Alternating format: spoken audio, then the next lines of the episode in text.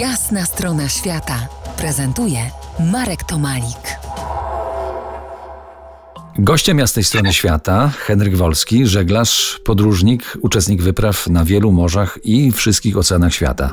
Rozmawiamy dziś o wyprawach polarnych z początku XX wieku. Pretekstem do tych opowieści jest niedawno odnaleziony wrak statku Endurance z jednej z takich wypraw. Celem wyprawy był trawers Antarktydy, jak mówiliśmy wcześniej, przejście białego kontynentu w poprzek.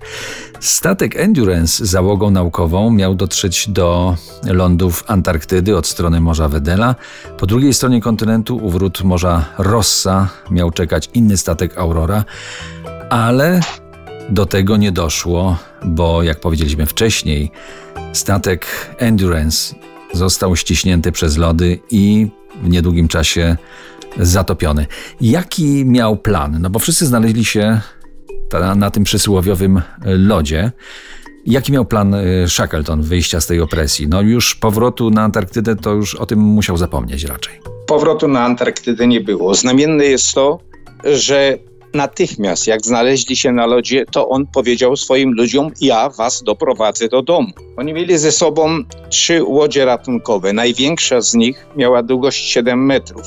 Czyli mowy nie było o tym, żeby na łodziach ratunkowych dopłynąć do Anglii czy gdzieś do zamieszkałego lądu.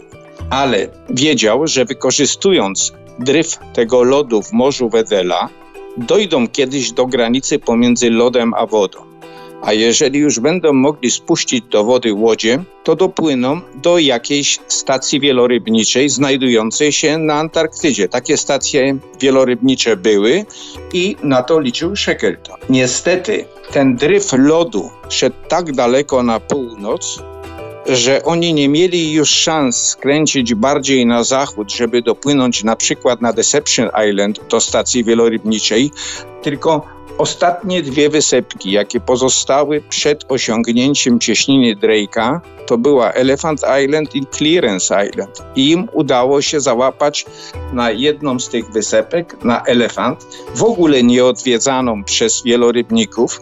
I tam nie było już sensu czekać, aż ktoś nas znajdzie. Tam trzeba było przedsięwziąć kolejne zadanie.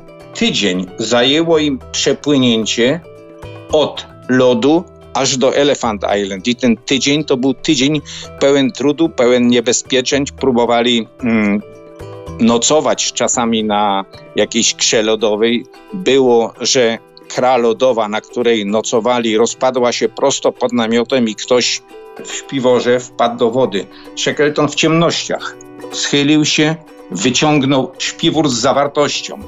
Facet był w tak, dobrym, w tak dobrej kondycji, że powiedział tylko, że niestety zamógł mu tytoń.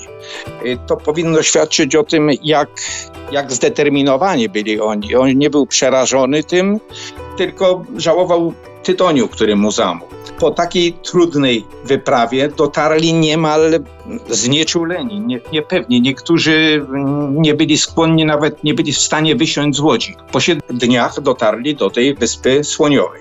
No i się okazało, że to dopiero jest początek tej, y, tej polarnej gehenny na nieprzyjaznym Atlantyku Południowym, ale o tym opowiemy i o dalszych losach y, ekipy Shackletona za kilkanaście minut. Zostańcie z nami. To jest jasna strona świata w RMS Classic.